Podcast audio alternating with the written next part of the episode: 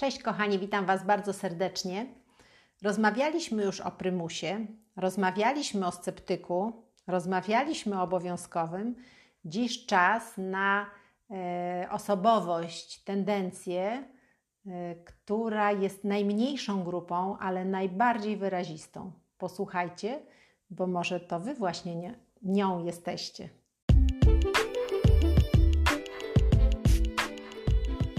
Dziś porozmawiamy o czwartej, ostatniej już tendencji, a jest nią buntownik. Buntownik to, tak jak mówiłam, to jest najmniejsza, ale najbardziej wyrazista grupa. Codziennie stajemy wobec oczekiwań zewnętrznych, czyli od tego, czego oczekują od nas inni ludzie, i takich wewnętrznych, czyli swoich, czego sami od siebie oczekujemy no i musimy podjąć decyzję, spełnić te oczekiwania czy odrzucić. Buntownik generalnie odrzuca oba oczekiwania, czyli te zewnętrzne i te wewnętrzne. Buntownik robi wszystko to, co mu się podoba i w zasadzie tylko to, co mu się podoba. Robi to po swojemu, w wybranym dla siebie czasie. E, działa tylko, gdy ma poczucie wyboru, gdy ma poczucie wolności wyrażenia własnego ja jeżeli y, poczuje nacisk z czyjej strony, natychmiast się buntuje i w ogóle nie chce tego robić. Y, buntownicy budzą się rano z myślą, cóż to chciałbym dzisiaj zrobić. Odrzucają wszelką kontrolę, także samokontrolę. Często lubią łamać zasady, nie dotrzymywać zobowiązań, lekceważyć zwyczaje, y, nie zobowiązują się do żadnego konkretnego działania. Jeśli coś robią, to tylko dlatego, że tak zdecydowali. Ale jakie mają zalety? Buntownicy mają bardzo dużo zalet, e, choć są bardzo kontrowersyjną grupą. Buntownicy są wolni od wielu nacisków, czyli nikt nie może ich zmusić do niczego. Lubią wyzwania, jeśli tylko mają im sprostać po swojemu.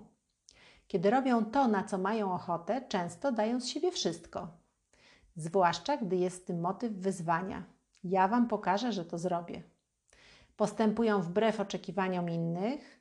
Największym atutem butowników jest ich sprzeciw, tak naprawdę, który może się wydawać dla innych y, no, taki niekomfortowy. Y, ale wielu z buntowników wykorzystuje właśnie ten sprzeciw do obrony zasad i celów, w które wierzą. Jeśli znajdą cel, on staje się ich panem. Realizują go za wszelką cenę. Przywiązują ogromną wagę do autentyczności i samookreślenia, chcą, aby ich życie było realizacją wyznawanych przez nich wartości. Jakie wady mają buntownicy? Buntownicy często irytują innych swoją postawą, swoim zachowaniem, ale też irytują samych siebie. Gdy się go o coś prosi, takiego buntownika, to albo co gorsza nakazuje zrobić, to odmawia oczywiście, a odruch ten może spowodować problemy dla partnerów, lekarzy, rodziców, nauczycieli, zwierzchników, no bo co jak mamy dziecko buntownika i mówimy zrób to, bo ja tak powiem, bo ja tak powiedziałam. Dziecko natychmiast nie chce tego robić. Jeżeli lekarz coś zaleci i każe zrobić to buntownikowi, jak myślicie, wykona polecenie lekarza? Buntownicy stawiają opór wszystkiemu, co uznają za próbę narzucenia im czegoś mają zaciętą determinację, żeby zachować wolność, może to dla nich skończyć się kontrolą lub utratą wolności. Chcą wykonywać zadania w wyznaczonym przez samych siebie terminie. E, jeśli ktoś wyznacza ten termin, jeśli ich popędza, to oczywiście stawiają opór jeszcze bardziej opóźniają wykonanie zadania. E, nie lubią zobowiązywać się do działania według jakiegokolwiek planu. Lubią być wolni. No ale teraz żyjąc z buntownikiem, warto nauczyć się, jak nakłonić go, żeby spełnił nasze oczekiwanie. Nie możemy mu narzucić, nie możemy mu kazać, bo oczywiście natychmiast się zbuntuje i nie będzie tego robił. E, żeby buntownik chciał zrobić to, czego od niego oczekujemy, e, musimy podać mu informacje, których potrzebują do podjęcia decyzji, uprzedzić o możliwych skutkach tej decyzji a potem pozwolić dokonać wyboru, tak aby myśleli, że to ich pomysł. I w tym wszystkim najważniejsze jest uprzedzenie o złych skutkach ich decyzji. Wtedy zwykle sami podejmują szybko tą decyzję. Zobaczcie, do jakich absurdów dochodzi. Tutaj podam jeden przykład. E, pewna buntowniczka została zaproszona na wielkie przyjęcie dobroczynne, e, ale nie chciała potwierdzić, że przyjdzie. Organizatorzy pytali, e, tłumaczyli, że no muszą podać firmie cateringowej ostateczną liczbę gości. Musimy znać Pani plany, mówią. Ale ona oczywiście nie chciała udzielić jednoznacznej odpowiedzi, no bo buntownicy nie lubią zobowiązywać się do działania według jakiegokolwiek planu. I co się wydarzyło? Przyszła na przyjęcie, Oczywiście potwierdziła w ostatniej chwili, przyszła na przyjęcie i przez cały czas narzekała, że dali jej okropny stolik. Organizatorzy nie wiedzieli, że jest buntownikiem, albo nie wiedzieli, jak mają z nią rozmawiać. E, bo jakie powinno być rozwiązanie? Powinni jej podać informacje, skutki i wybór. Czyli, jeśli powie nam pani teraz, będzie pani mogła wybrać stolik i usiąść ze znajomymi. Jeśli będzie pani czekać, te stoliki się zapełnią i będzie Pani musiała siedzieć z obcymi. Proszę dać znać, jak się Pani zdecyduje.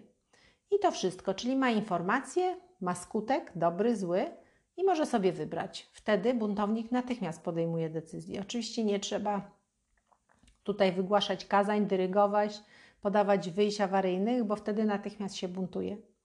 Tego wszystkiego można się nauczyć. Buntownicy, mimo naturalnej dla nich przekory, mogą spełnić czyjąś prośbę z potrzeby serca. Y, albo kierując się własnym pragnieniem, albo dając dowód swojej miłości, ale to wtedy jest ich wybór. Y, no i jeszcze jedna rzecz, trzeba im dać większą, y, większy wybór terminów. Wtedy któryś z nich wybiorą i nie będą odkładać pracy, czyli nie podajemy jednego konkretnego, tylko jakiś wybór terminów. Czasami oczywiście jest to trudno wykonalne. A co z y, oczekiwaniami wewnętrznymi buntowników, czyli jak buntownicy mogą nakłonić samych siebie do spełnienia tych oczekiwań? Y, buntownicy oczywiście irytują innych, ale mogą też siebie irytować, ponieważ ich rogata natura każe im odrzucać nawet własne pragnienia. Chcą postępować według własnej woli, ale często nie mogą, no bo właśnie ją odrzucają. To jest taki paradoks. Chcą wyrobić w sobie dobre nawyki, na przykład ćwiczenie, zdrowe jedzenie, z drugiej strony nie chcą stać się więźniami tych nawyków. Więc cóż mają zrobić? E, do, e, rada jest taka, żeby przy robieniu czegoś nie traktować tego jako obowiązek, że muszą to zrobić, ale buntownik powinien wyobrazić sobie, że jest osobą, którą pragnie się stać, właśnie robiąc te rzeczy, i wtedy działać według swoich ustalonych reguł. I tutaj przykład pewnej pisarki, która mm, chciała się zadeklarować, że, będzie, że weźmie udział w miesięcznym maratonie pisarskim, czyli że będzie y, codziennie pisała bloga. Y, I teraz, jeżeli ta pisarka, pisarka buntowniczka, zadeklarowałaby udział w takim maratonie, y, no to jest zgubiona. Najgorsze jest zamieszczenie na blogu zobowiązania, no bo oczywiście przeciwko niemu się zbuntuje. Więc jakie znalazła dla siebie rozwiązanie? Powiedziała sobie, wyobraziła sobie, że chce być osobą, która codziennie pisze. Wyobraziła sobie, jak prowadzi pisarskie życie, że wstaje rano, pisze. E, wyobraziła sobie, jak się będzie czuła, gdy skończy pisać, i dopiero wtedy mogła e, podjąć się tego zadania, mogła zasiąść do pisania. Działanie buntownika musi stać się częścią jego ja. E, albo można też wprowadzić elementy wyzwania lub wyboru. Jeżeli buntownik ma wyzwanie, natychmiast podejmuje działanie. E, podsumujmy teraz króciutko e, osobowość buntownika, tendencje. Buntownik myśli niezależnie i niekonwencjonalnie, kroczy własną drogą, jest spontaniczny, podąża za autentycznymi pragnieniami ale często stawia opór, jeśli się o coś go prosi lub poleca zrobić. Jest niechętny do współpracy, niedelikatny, łamie zasady, jest niespokojny, ciągle go nosi. Trudno mu wytrwać w jednej pracy, w jednym miejscu zamieszkania. Ma trudności z rutynowymi czynnościami i planowaniem. Zachęcam Was bardzo serdecznie do przeczytania książki, przestudiowania tak naprawdę książki Greten Rubin Cztery tendencje. E, bo oprócz tego, że bardzo dokładnie opisuje każdą z tych tendencji, ja tutaj króciutko, w, krótkim, w krótkich takich podcastach opisałam to, tam można zrobić sobie test, można dokładnie dowiedzieć się, jakim jestem, jaką osobowością jestem, jaką tendencją, a przede wszystkim to, czego tutaj w tych podcastach nie ma, to jest jak te tendencje wyglądają w parach, czyli co jeśli ty jesteś buntownikiem, a twój e, partner na przykład prymusem, jak układać te relacje, e, jak przekonać przedstawiciela dowolnej tendencji do zrobienia tego, czego oczekujemy. E, no i w końcu można nauczyć się wykorzystać zalety każdej tendencji, co jest bardzo ważne.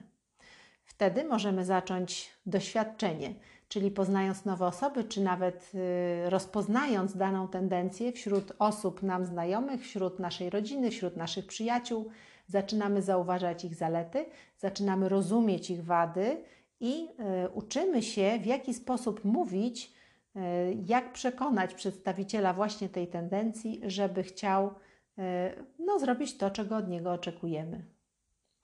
Bardzo zapraszam Was do czytania tej książki, do przeczytania, do przeanalizowania, bo mnie bardzo to ułatwiło relacje z ludźmi.